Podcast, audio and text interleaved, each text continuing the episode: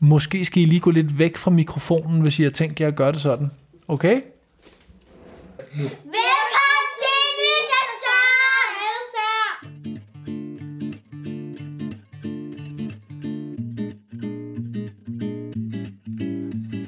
Så er ventetiden endelig over. Jeg har glædet mig helt vildt meget til at sende en ny stribe af interviews ud i æderen her i podcasten Adfærd. Vi starter sæsonen med et decideret fascinerende emne, nemlig hvordan man opklarer et mor.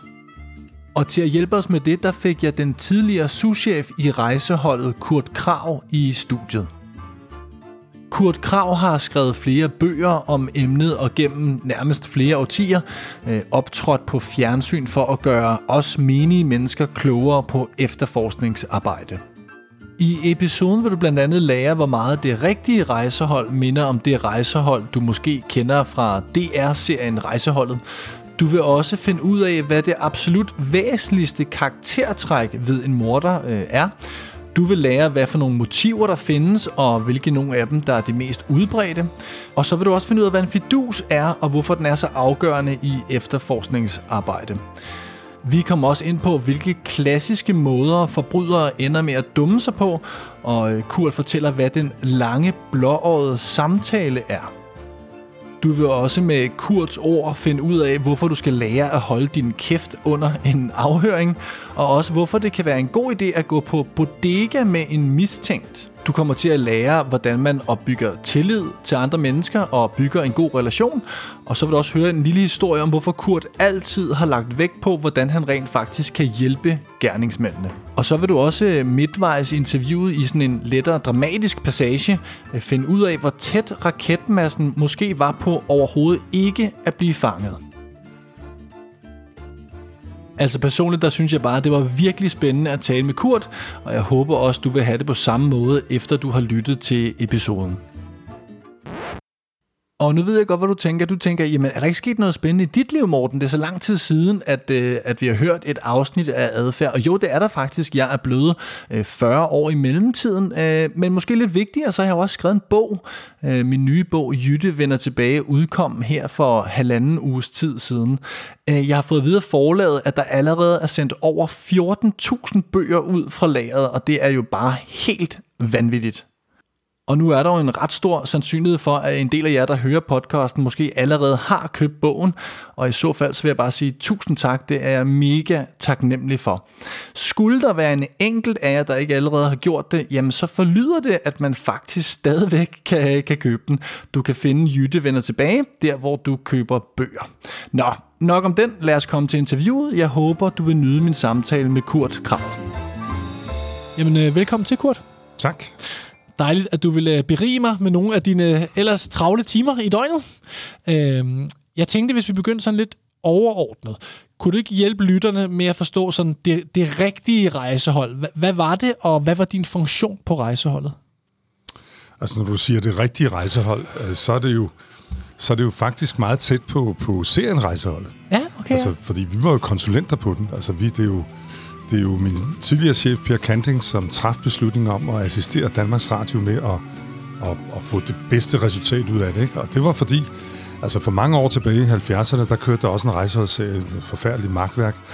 og så tænkte min chef, øh, altså Per Kanting, så tænkte han, det skal ikke ske en gang til. Så da han fik forspørgsel fra Danmarks Radio, øh, jamen så sagde, han, så sagde han ja, altså lad os få noget, noget ud af det, som er rigtigt, som, som er tæt på virkeligheden. Ja. Og, øh, og så blev der udpeget, altså udover at han selv læste manuskripter på det, øh, så Ben Disager og så jeg, vi var så øh, konsulenter på det, kan man sige. Og, og det vil sige, vi underviste dem i, altså skuespillerne, det var Mads Mikkelsen og, og, og Brygman, altså vi underviste dem i, i, i nogle discipliner. Ikke? Nå, det var jeg ikke klar over. Jo, det gjorde vi, og det, fordi altså, det var et krav, der blev stillet til, til Danmarks Radio, det var jo, at, at hvis vi skal deltage i det her, så er I nødt til at holde jer til nogle faktuelle ting. Altså, I skal ikke bare rende rundt og lege autodidakt. Altså, det er jo sådan noget med, der er en retsplejelov, der skal overholdes, og, og der er også en straffelov, og der er den måde, vi arbejder på. Altså, så det skal vi nok fortælle, hvordan man gør det. Det blev de noget overrasket over, fordi de kom jo lige fra taxaserien, hvor de kunne gøre hvad som helst. Ikke? Og pludselig blev der stillet nogle krav til dem. Men, øh, men det gik rigtig godt. Det gik ja. rigtig godt. Så jeg fortalte jo, altså jeg underviste jo blandt andet Mads Mikkelsen og, og, og øh, hvad hedder han, øh, Brygman jo ikke i, hvordan man, øh, hvordan man agerer i en afhøringssituation, hvordan man agerer i alle mulige situationer, ikke? Så vi havde dem med på skydebanen, og de lærte mange ting. Især sproget, altså vendingerne og alt det der, det har vi jo, det har vi jo hjulpet. Det har jeg især hjulpet dem meget med, altså hvordan man, man taler, ikke? Ja. Og der er især et afsnit, som, som jeg, hvor min kone hun kiggede på mig, da vi sad og så det. Jeg havde sgu ikke set, øh, jeg havde ikke set det igennem inden. Og det er der, hvor at, at de bliver kaldt ud til, de skal over til en drabsag over i de jyske. Og, øh, og så piver, så, øh, jeg tror det er Lacour, der piver over det, og så kigger, så kigger, hvad hedder en Fischer på ham, og så siger han, altså, op med humøret, op med humøret, han Lacour, du ved godt, ny by, nye kvinder. og der kan jeg huske, der, der, der vendte min kone, hun vendte lige rundt i sofaen, så sagde hun, er det noget, du har lært den kur, det der med kvinderne? Så nej, det er jo selvfølgelig ikke mig, det kender, det kender jeg ikke noget til. det, det kender Kurt selvfølgelig ikke noget til, men jeg skal love for, at han kender noget til, hvordan man laver en effektiv efterforskning. Kurt kommer vidt omkring interviewet. Jeg har prøvet at samle det sådan i fem overordnede faser. 1. Du skal fokusere på de første 48 timer, hvor du skal indsamle tekniske beviser og løse det, som Kurt lige om lidt vil kalde de uopsættelige ting. 2. Så skal du finde et motiv og lave et, en profil af gerningsmanden. 3. Så skal du udpege og finde potentielle gerningsmænd. Så skal du gennemføre en effektiv afhøring, og til sidst skal du få en tilståelse. Vi antager, at øh, du er tilbage i dagene med rejseholdet. Din telefon ringer. Du har fået at vide, at der er blevet begået et mor. Ja. Hvad, hvad er vigtigt i de første 24-48 timer? Hvad, kan man sige noget? Hvad, hvad, er det, hvad er det første, vi skal være opmærksom på i den her situation? Altså, vi har et område, som vi kalder for de, de, de uopsættelige skridt. Okay, altså, ja. og, og det er det, hvor tidsfaktoren kommer ind. Altså, hvis, hvis, man, hvis man ignorerer den, så kan det gå grueligt galt. Og, og det har jo især noget med at gøre, at vigtige spor på gerningsstederne kan gå tabt, fordi at det regner, eller der er nogen, der jogger rundt i det, eller hvad ved jeg. Altså, det, det er jo tidsfaktoren også. Men det er især folks, altså menneskers hukommelse. Altså, tiden har jo en stor indvirkning øh, på, hvordan man husker noget. Altså, der er jo en meget bræt kurve. Allerede efter et døgn, så falder kurven, altså en hukommelseskurve falder gevaldigt. Så det er med at komme ud og få lavet de her afhøringer så hurtigt som muligt. Så er der så nogle ting som at sikre videooptagelser øh, på tankstationer, på, på, i banker, og hvor der nu ellers... Øh, dengang i, i, i 83, da jeg blev ansat i rejsehold, der var der ikke så meget videoovervågning.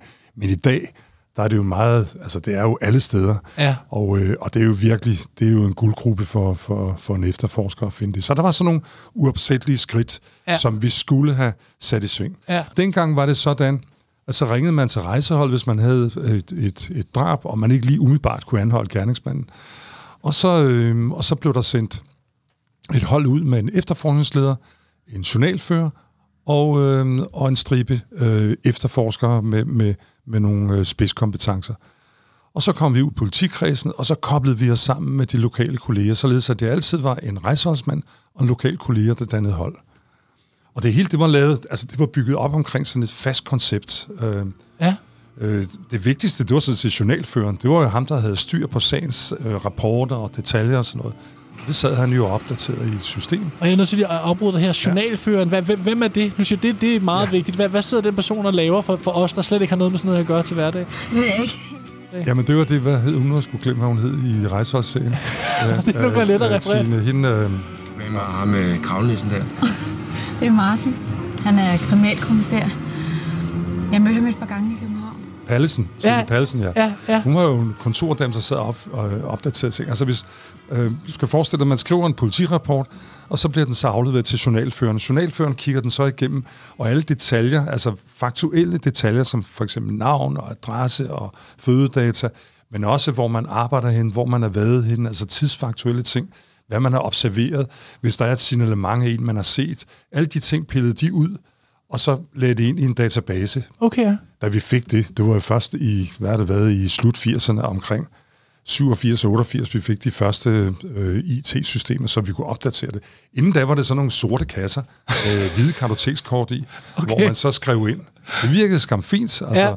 fordi det værste, der kan ske i en efterforskning, det er, når man kommer en, to, tre måneder hen, at du så ikke aner, hvad du har i sagen. Ja, så, selvfølgelig. så derfor de der meget faktuelle ting, som er interessante, for eksempel øh, på gerningsdagen mellem klokken 10 og klokken 12, hvem var for eksempel her øh, i en eller anden bestemt gade, i Værmundsgade, øh, hvem var der? Ja. Øh, og så tager man alle de vidneforklaringer, der har været, hvor de har sagt, jeg så Jens Peter, eller den anden så, jeg så Søren og sådan noget. Alt det bliver lagt ind i det system, så man altid kan lave et tidsbillede øh, af tingene. Så journalføren, det var kardinalpunktet i hele Okay, efterforskningen. ja. Okay, var den vigtigste mand overhovedet. Nå, okay, spændende. Og jeg, jeg læste også i, uh, i en af dine bøger, så læste jeg, at du også sagde sådan noget som, at man, en af de uopsættelige ting, jeg ved ikke, om det var en decideret bullet på listen, men man også var ude og, og lede i skraldespanden, eller man kiggede ret hurtigt ja. Efter noget sådan en renovation. Hvorfor gør man det? Jamen det er jo fordi, vi ved af erfaring, at en, en gerningsmand, når han løber fra et gerningssted, eller kører fra et gerningssted, så det første, han interesserer sig for, det er at komme af med de ting, som kan fælde ham. Ja. Og det kan for eksempel være blodigt tøj, eller det kan være et gerningsvåben, eller andre ting, som på en eller anden måde en maskering, altså en elefanthue. Og derfor, øh, vi ved af erfaring, at, at affaldscontainer på restepladser for eksempel, i nærheden af gerningsstedet, meget ofte, der finder vi guld. Altså der finder Ja, ja, vi simpelthen gerningsmandens øh, øh, udklædning, eller hvad han nu har brugt det til. Ja, ja. Og det kan også være gerningsvåbne, som han smider i en nærliggende sø. Ja. Så, øhm, så, så det er meget vigtigt, at man, i hvert fald når, det når vi taler om restepladser, affaldscontainer i nærheden af gerningsstedet, de skal tømmes, og det skal gå hurtigt. Ja. Okay, vi har fået styr på de såkaldt uopsættelige ting, vi har rodet i de rigtige skraldespande, vi har samlet vores team og fået styr på alle de faktuelle ting.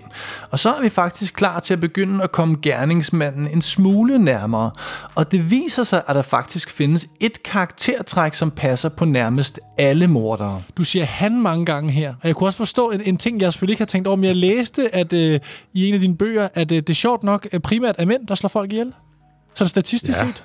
Det er det. Ja, jamen, Det er det. Jeg kan ikke huske, hvor mange procent det er, men det er noget med nogle af 90 procent eller sådan noget. Det er primært mænd, øh, der slår ihjel. Ja, Øhm, jamen, det er jo noget med vores gener at gøre. Altså, vi kan jo bare kigge på historien. Det er jo mænd, der slår hinanden ihjel, ikke? Ja. Sådan er det. Statistisk set, så er det mænd, der slår ihjel. ja. Så alene det at være mand, der er man, øh, skulle til at sige, lidt mere i interessezonen for et rejsehold, der kommer ud.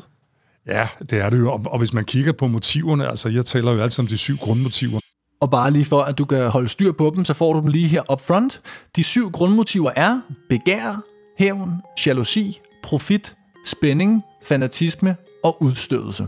Vi starter med profit. Ja, det kan jo, altså, altså hvis vi tager profitmotivet, det første motiv, det er jo altså, det er typisk det, hvor man begår et røveri, og så ender det med, at, at, at det ender med drab, ikke? Altså, så Ja. bliver det til et rovmor, fordi at måske ekspedienten på Statoil-tanken gør modstander. Og, altså, det ligger i sig selv, det er jo ikke en kvinde, der kommer ind med, med, med et oversaget jagtgevær og råber, det er et røveri. Altså, det er, jo, det er jo altid mænd, der gør sådan noget, ikke? Og det er jo også mænd, der skal bruge det her cool cash. Øh, øh, Det næste øh, motiv, det er jalousimotivet, og det er jo det mest almindeligt forekommende motiv, altså i, Okay. i hele verden. Altså, Nå.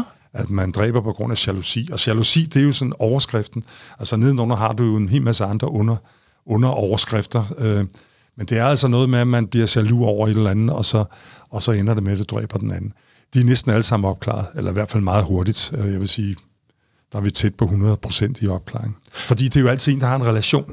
Og det er jo det, der er problemet. Hvis ikke der er nogen relation, så er det rigtig svært at opklare. Og, og det er rigtigt forstået, at øh, langt størstedelen af mor, der har de to parter involveret i mordet en nær relation. Ja, det er det. Det er det, der hedder kontaktdrab. Øh, altså, det er der nogen, der kalder det for, ikke? Eller altså nærdrab. Og, det, og jeg plejer at sige, hvis bare vi kan finde den mindste relation imellem gerningsmand og offer, så opklarer vi det også. Altså, Ja, det skal okay. vi gøre.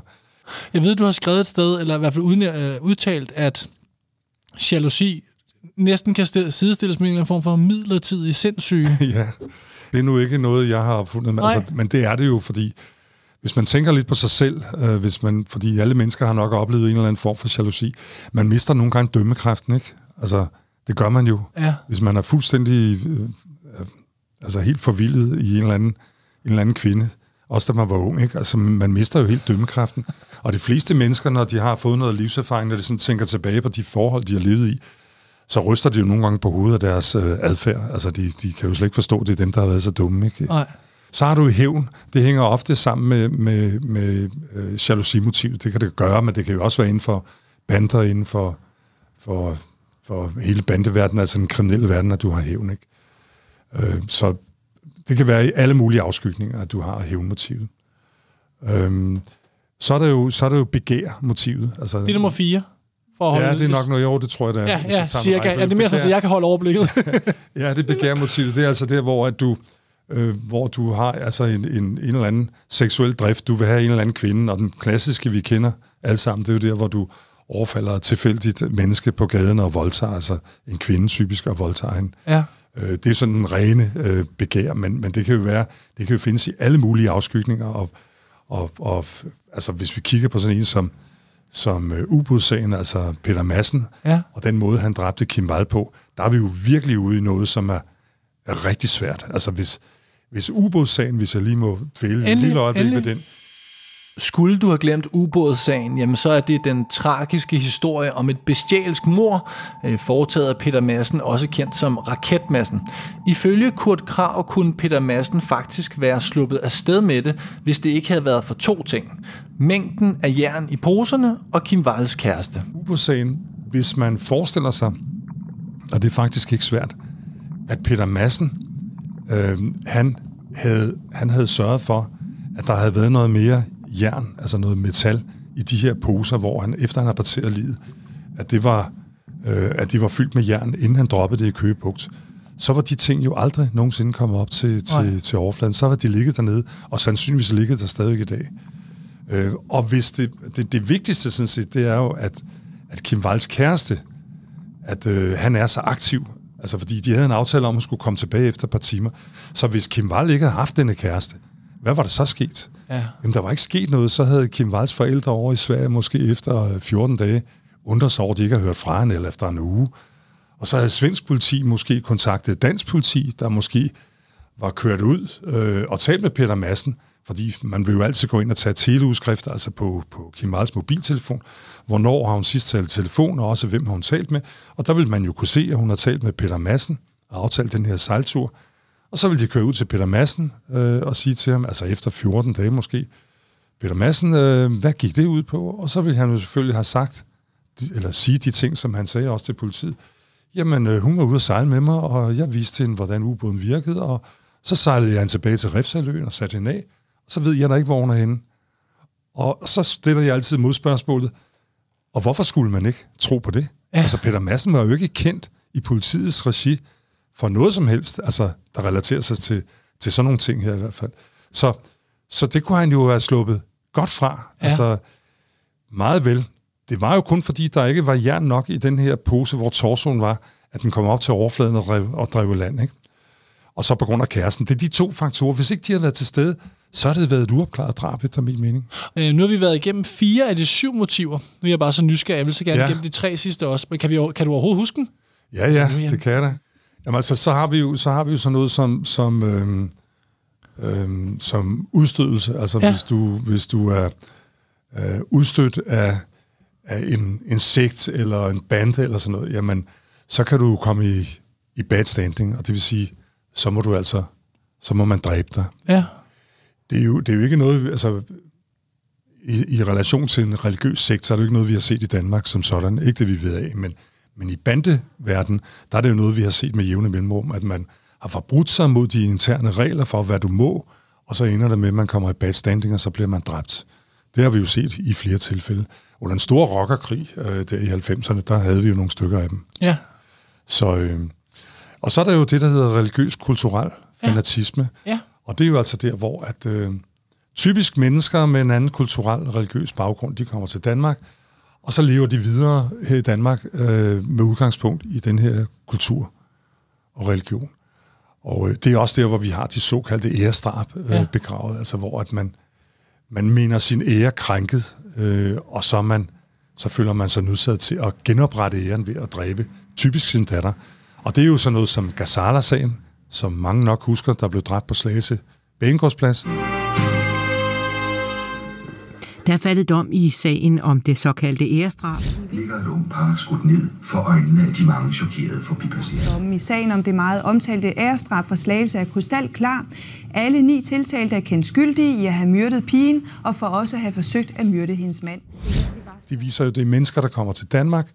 Nogle gange har de jo boet her længe. Altså hvis vi tager Gazala-sagen, hendes far, han havde boet i Danmark i 30 år. Okay. Og han blev dømt livstid for drabet på sin datter.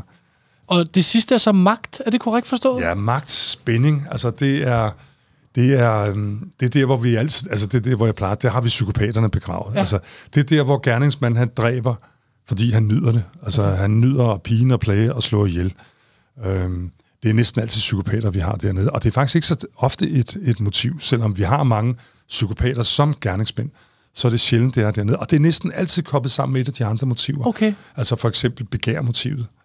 Øh, Så jeg vil sige, øh, hvis vi tager sådan en som Peter Madsen i ubådssagen, der har du jo den kobling. Altså, det er begæret, der er koblet sammen med, med spændingsmotivet, ikke? Altså Ja. ja. øh, magt, magt og spænding. Ja. Hvorfor, og det kan være et dumt spørgsmål, men det, jeg vil rigtig gerne høre nuancerne og uddybningen. Hvorfor er det så vigtigt at sidde på, øh, nu siger jeg politikontor, du kan godt høre mit vokabularium for efterforskningsarbejde, ikke særlig stort.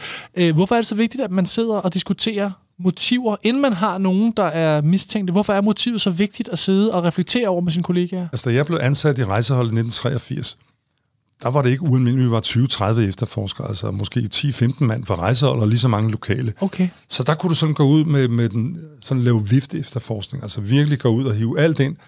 Så betød det ikke så meget, men, men du var jo op, altså stadigvæk op mod tidsfaktoren. Men, men i de sidste 10-15 år, jeg var i rejseholdet, der havde vi jo slet ikke det personale. Altså, der var det meget normalt, vi kun var en 5-6 mand i alt. Og så var det helt afgørende, at du var i stand til at disponere rigtigt og, og gå den rigtige vej fra starten af. Så hvis ikke du var i stand til at gå ind og klassificere sagen, altså nå frem til et plausibelt motiv, eller måske, nogle gange er der to og tre motiver, øhm, og på den måde spare, spare ressourcer, og så gå den rigtige vej, jamen så, øh, så vil du jo komme langt bagud, og så, og så ender det med, at vidner ikke kan huske noget, når du får fat i dem, så er tiden gået, og så kan de ikke adskille den ene dag fra den anden af. Så, så det er helt afgørende, at man meget hurtigt sådan klassificerer sagen og når frem til et motiv. Og så, altså man kan sige, der er to hovedoverskrifter. Hvad er motivet, eller motiverne? Der er ofte flere. Og dernæst, hvad er det så for en type gerningsmand, vi leder efter? Okay, så fase 1 var altså at få styr på de uopsættelige ting og få fod under processen. Fase 2 drejer sig mere om at få klassificeret sagen og komme frem til de mest oplagte af de syv grundmotiver. Og det gør man helt konkret ved at tage ud på gerningsstedet og analysere dataen, som man får fra kriminalteknikerne. Efter man har en idé om motivet, jamen så spørger man så, hvilken type gerningsmand leder vi efter? Og her kommer begrebet profilering ind i billedet, og det er faktisk et emne, som Kurt ved utrolig meget om. Hans første råd er dog i denne fase, at man skal være varsom. Hvis man er en dygtig og erfaren efterforsker, så kan man godt finde frem til et, et plausibelt motiv. Øh, det er straks værre, når vi begynder at bevæge os over i, hvem er så gerningsmand? Hvilke karaktertræk kan du sætte på ham? Der begynder det at, at, at blive farligt, og, og derfor plejer vi også at kalde det for... Altså, jeg sad jo i profileringsgruppen igennem de her 10 år, øh, den eksisterede, og, og der var vi klar over, at det vi var ude i, det, det var det, vi kalder for et kvalificeret gæt. Ja. Altså, og, og altså, statistik fra USA viser, at, at cirka hver femte kamp, så rammer du fuldstændig ved siden af. Altså, der er et helt forkert karaktertræk. Så man må ikke låse sig fast i de der karaktertræk, du leder. Altså, sådan nogle, sådan nogle variabler som, bor gerningsmanden alene, eller bor han sammen med sin mor og far, og sådan noget. Altså sådan nogle ting. Hvad har han af uddannelse? Øhm, har han nogen kriminel karriere? Og, altså alle de der ting, det, det er sådan noget, som man prøver på at tage stilling til ud fra den måde, han er opereret på. Og, og nu ved jeg, at det er selvfølgelig et, et meget stort spørgsmål. Det kunne være, at du kunne gøre os lidt klogere. Det er, hvordan kommer man frem til nogle af de svar i det kvalificerede gæt her? Hvordan kan man så, hvad er det, jeg kan se derude, som kan fortælle mig, om han bor hjemme, eller om han har en historik med politiet? Altså, det er ikke kun på gerningsstedet. Altså, gerningsstedet er bare udgangspunktet for hele profileringsprocessen. Men dernæst så kommer jo afhøringer af, af offrets nærmeste, altså øh, venner, bekendte, kolleger og andre, så du laver en såkaldt offerprofil. Altså offerprofilen, den går forud for selve gerningsmandsprofilen. Nå, og det er okay. jo der, du skal inde. Så du skal, du skal kende alt til offeret, og øh, også finde ud af sådan nogle, sådan nogle ting, som at, det, at den måde offeret øh, øh, levede på, er, er vedkommende så i, i risikogruppen. Altså for eksempel en prostitueret. Altså, Ja. Det er jo helt oplagt. Hun vil jo være i risikogruppen. Øh, og derfor så, så, så, øhm, så, er det, så er det lidt anderledes. Ikke? Men der finder du, det er sådan, som regel altid et, et seksuelt øh, motiv, der er der, et sædlighedsmotiv, der er der. Ikke? Så, så du skal ind og kigge på sådan nogle, sådan nogle variabler der, og så, øhm, og så bevæge dig stille og roligt over i, hvad er det så for en gerningsmand? Ja. Og det sidste, det har altid været meget, øh, ikke skeptisk overfor, men jeg har været meget påpasselig med ikke at, at målrette efterforskningen udelukkende ud fra, hvad, hvad vi arbejder os frem til, af, af, hvad det er for en type gerningsmand. For vi har taget gruelig fejl flere gange.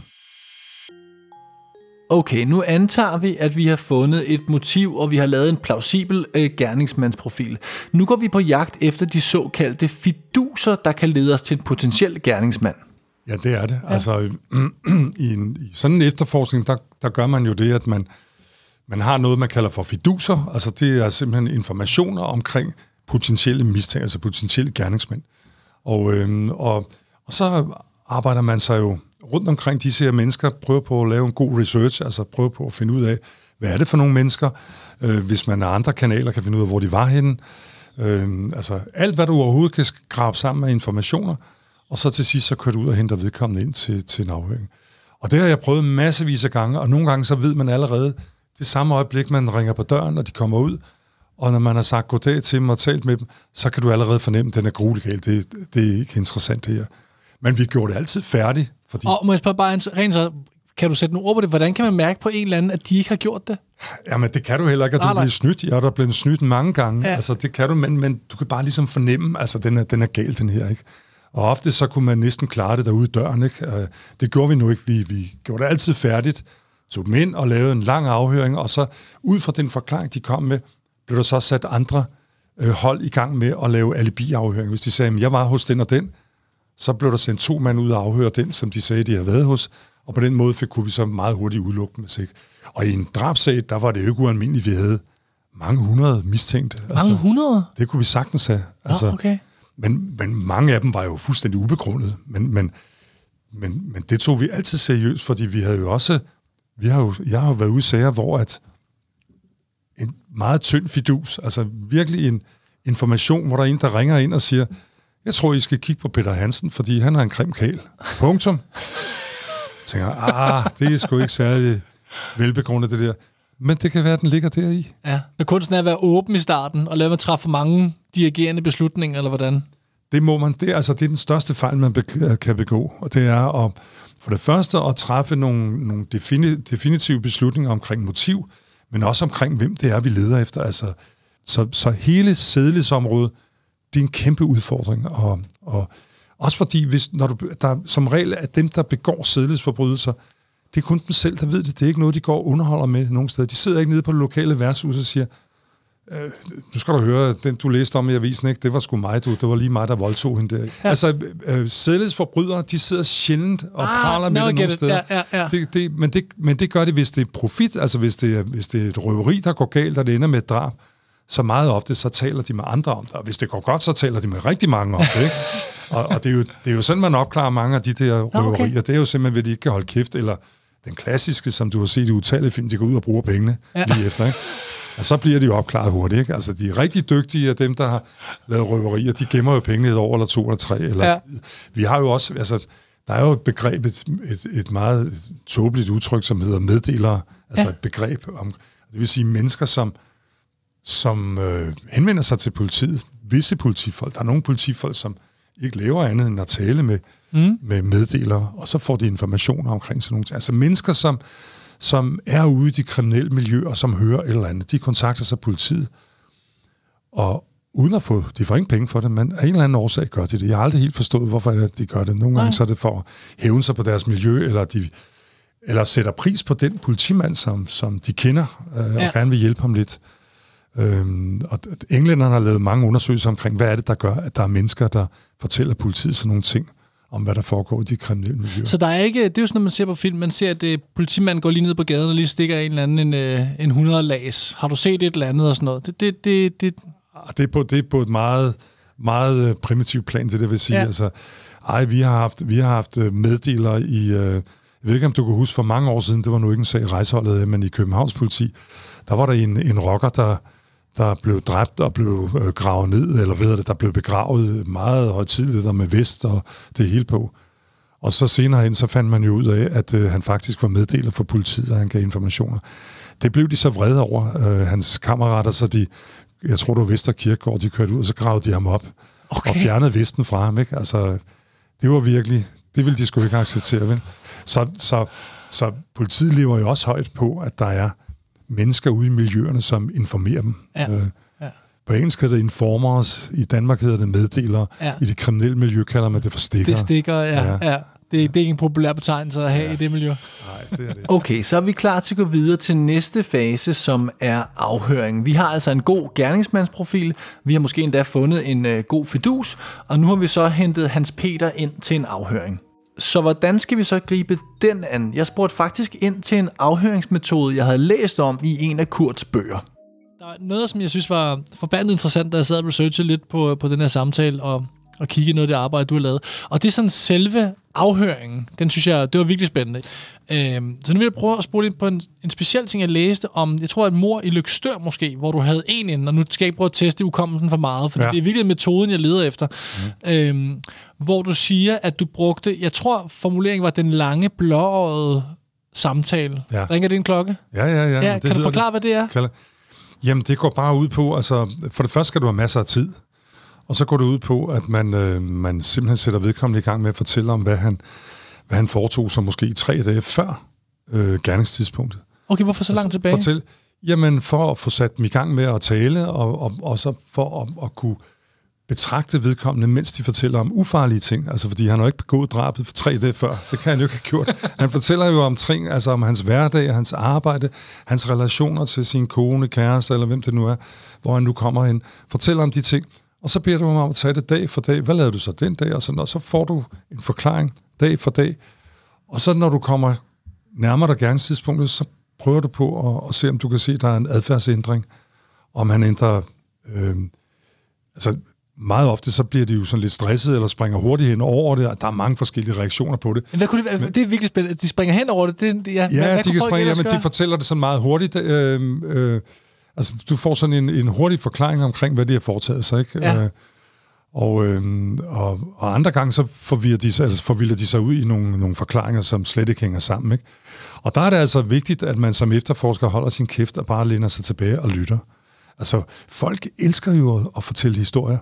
Det er klart, de, de, de elsker ikke at fortælle noget om, når de har lavet noget skidt. Det er derfor, du starter tre dage før, ikke? Og så lader dem fortælle om det. Og ligegyldigt, hvad de siger af ting, som ikke passer, så må du bare, altså det er jo, det er jo en grundregel, du må bare intet sige. Du må ikke konfrontere vedkommende, at det ikke passer. Og hvorfor så- ikke? Jamen, fordi så stopper det meget ofte. Så kommer du ikke længere end dertil. Og hvis de bare siger, du gider sgu ikke at snakke mere med dig, altså du, du tror ikke på mig, så stopper det hele. Så, øh, og hvis nu det kun er en mistænkt, der ikke er anholdt, så kan det være, han rejser sig og går. Så, så en grundlæggende princip i en, en god afhøring, det er, at man laver den lange bløjede forklaring, altså hvor, hvor de fortæller og forklarer. Også selvom de fortæller noget, hvor du tænker, det er fandme løgn det der, det passer bare ikke. Du er ved at, altså, du, du er ved at ryge op af stolen for at slå i bordet og sige, det er løgn det der. Det gør du ikke. Nej. Du får den lange forklaring hele vejen igennem. Og så vender du tilbage og begynder forfra. Så tager du det sådan stille og roligt, og så tager du det bid for bid.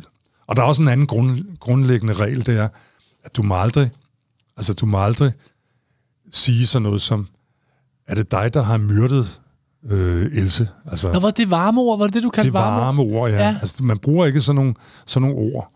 Altså, man siger i stedet for, altså, fortæl mig, hvad der skete den dag. Altså, der må have været en eller anden forklaring på, at, at det gik helt galt, ikke? Altså, fortæl mig det, ikke? Altså, jeg må ikke bruge de der varme ord, fordi det, det er sådan en... Altså, det er sådan ligesom at få en klud i ansigtet. Du, ja. du skal gå udenom det, og prøve på at, at også se de undskyldende momenter. Det er der næsten, altså med mindre det er mennesker med klare psykopatiske træk, så er der altid nogle undskyldende øh, momenter i, i handlingen. Som kunne være hvad, for eksempel? Det kan måske være en milliard forskellige ting, eller... Jamen, det kan være, hvis nu det er en kvinde, der har slået sin mand ihjel, det kan være, at han har været en rigtig skid over for hende, altså ikke opført sig ordentligt, ikke har behandlet hende ordentligt. Altså, nu er det jo sjældent, det er kvinder, der slår mænd ihjel, men det sker der trods alt. Og vi har også eksempler på kvinder, der har gjort det, at de er sluppet næsten med straf, altså uden straf, ikke? Altså, hvis de er i stand til at kunne fortælle tingene i detaljer. Altså, vi havde en sag, jeg var ikke selv på den der, men som er et godt eksempel på den såkaldte bilsag for Randers, øh, også tilbage i 80'erne, altså hvor en bodybuilder, han, han, øh, han havde fået bygget et, et, et bur, øh, øh, som han skulle sidde inde i. Øh, altså han aftalte med sin kæreste, ikke? at Ja. han skulle sidde inde i det her bur, øh, og så blev han lænket med håndjern øh, til trammerne, og så var der sådan en lem øh, midt i, hvor han så stak hovedet op i igennem, og så skulle hun så ydmyge ham på alle mulige lederkanter. Okay. Øhm, og, øh, og det gjorde hun så efter hans ordre. Øh, der, der gjorde hun det. Altså det, det der med igen, vores seksuelle liv, vi ikke forstår, men altså, Ja. ja. han, han, han, han skulle også spise af en hundeskål og sådan noget, altså han skulle udmyges. Øhm, og øhm, på et tidspunkt, så, så bliver han vred under det her, og, og så ender det med, at altså, hun, hun tør simpelthen ikke løsne ham, hun er bange for, at han skal, han skal gøre noget ved hende. Så hun, øh, hun slår ham ihjel, altså i bur, ikke? Okay. Men hun hent, jeg kan ikke huske, hvad hun fik af straf, men hun endte med en forholdsvis mild straf, fordi man forstod godt, at hun, at hun levede i, i et, et, et, Ja, det er en vild situation. forhold, i en vild si- ja, hvor hun var hunderad for ham, ikke? Ja.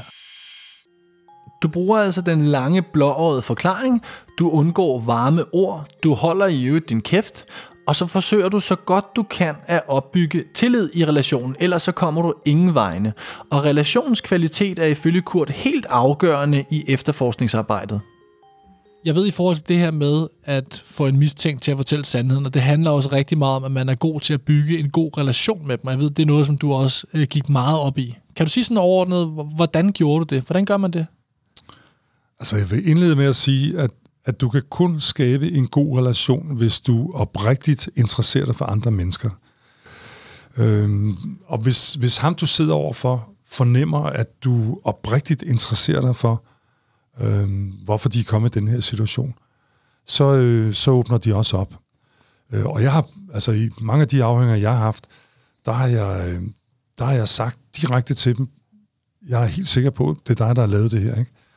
Jeg synes, du skal fortælle det, og du skal også vide, jeg vil hjælpe dig alt det, jeg kan bagefter. Altså, jeg, vil, jeg skal nok sørge for, øhm, at øh, vi finder de undskyldende momenter i det. Altså, jeg har fået julekort fra nogle af dem, jeg har buret i spillet i mange år. Ikke? Altså, så, så man kan sagtens få en tilståelse hjem. Øh, og nu går jeg jo meget op i tilståelse, og det var faktisk noget, vi gik meget efter før i tiden, at få Og jeg skal lige forstå, når du siger, du går meget op i det, skulle man ikke tro, det gør alle ikke? Eller jeg skal lige forstå sådan den, den politiorienterede vinkel, når du siger, jeg går meget op i tilståelse. Hvad betyder det? Jamen, altså, det skal forstås sådan. Kritikerne af, at du, at du har et udgangspunkt, der hedder, jeg vil have en tilståelse hjem, de frygter, at du kommer til at, at presse dem Ja. til en tilståelse, så du får en falsk tilståelse. Så en uskyldig person bliver måske dømt for noget, han ikke har gjort. Og det har jeg stor forståelse for, at man har den holdning. Men deres frygt, den er baseret på, på øh, studier, som de har gjort i relation til FBI og amerikansk politi, og for den sags skyld også engelsk politi, øh, som har en helt anden måde at arbejde på. Jeg frygter ikke, at man i Danmark laver justitsmord. Og det er sådan noget, der ligger naturligt, men jeg vil tro, at hvis man... Øh, hvis jeg havde det arbejde, at jeg ja. Skulle arbejde rigtig meget med at prøve at, jeg ved ikke om fatte sympati er den rigtige formulering, men have lyst til at hjælpe en, som måske lige har slået et uskyldigt menneske ihjel. Hvor- Hvordan kommer man... Er det ikke svært, eller det, det, det kræver det måske bare? Jamen, det kan godt være, at det menneske, de har slået ihjel, er uskyldigt. Øh, det sker jo indimellem. Men, øh, men mange gange, så ligger der jo noget, så ligger der jo noget gravet ned i hovedet. Altså et eller andet fra, fra barndom, øh, ja. ungdom.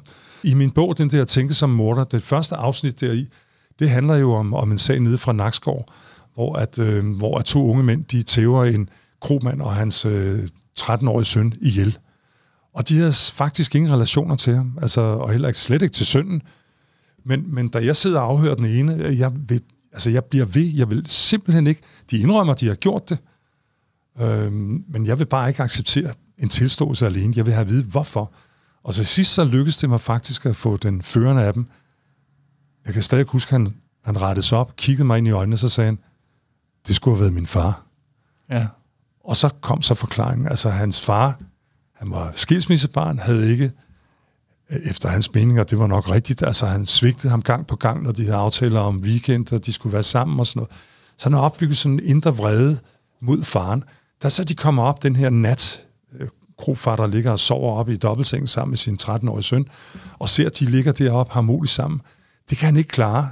Altså det, som han havde håbet, der skulle være, altså hans forhold til hans far, det var ikke, altså, det var der ikke, men så ser han så nogen, og, og, og lige pludselig så, så tændte han.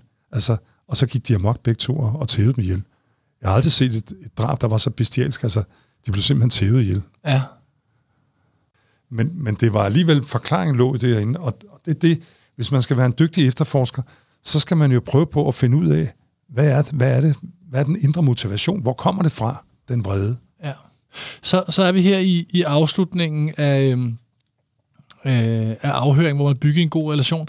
Jeg læste et sted, det må du så fortælle mig, om det er rigtigt eller ej, men at, at du i forbindelse med at bygge relationer med nogle mistænkte havde, haft, havde været med til deres, deres børns fødselsdag og været på bodega med dem, og sådan, men som nærmest nu siger, rejst rundt med dem. Er det, er det korrekt Nej, forstået? jeg har ikke været til børns fødselsdag. Nej, Det har nej. jeg ikke været, men, men det, vil jeg, det kunne jeg som godt have gjort. Altså, men, men jeg har været på bodega med dem. Altså, vi havde jo, vi havde jo et begreb, vi kaldte for arrestantpleje.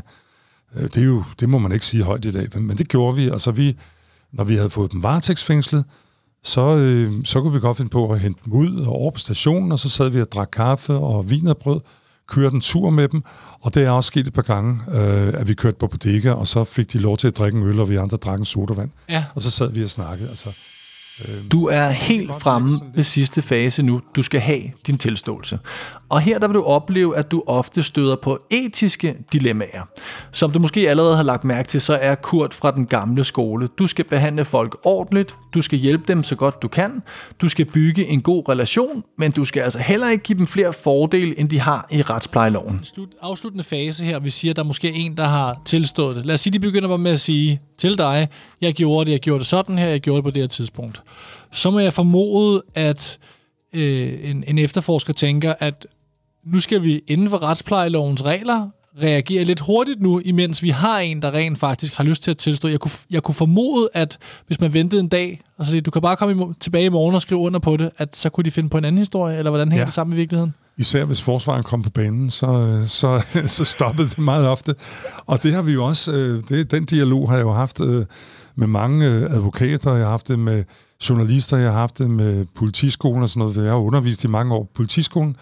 Og jeg plejer at sige, der står intet i retsplejeloven om, at der skal være en forsvar til stede. Der står, at man skal rådgive dem om, at de kan få en forsvar til stede, hvis de ønsker det. Men hvis jeg har brugt en time eller to på at sidde og snakke med dem og drukke kaffe med dem og vinerbrød, og vi har fået en god dialog, så i mange af de sager, jeg har været ude i, der har de sagt, jamen jeg er sgu ikke interesseret i, at der kommer en forsvar til stede her. Vi snakker jo godt os to. Og så har jeg fået en tilståelse hjem, og den er skrevet ned, og den er underskrevet. Og dagen efter kommer forsvaren, eller når de skal i retten, og så bliver de jo kritiseret for, eller jeg bliver kritiseret for, at jeg, jamen altså, jeg overholder retsplejelovens bestemmelser. Så den diskussion har vi haft meget. Er det i orden?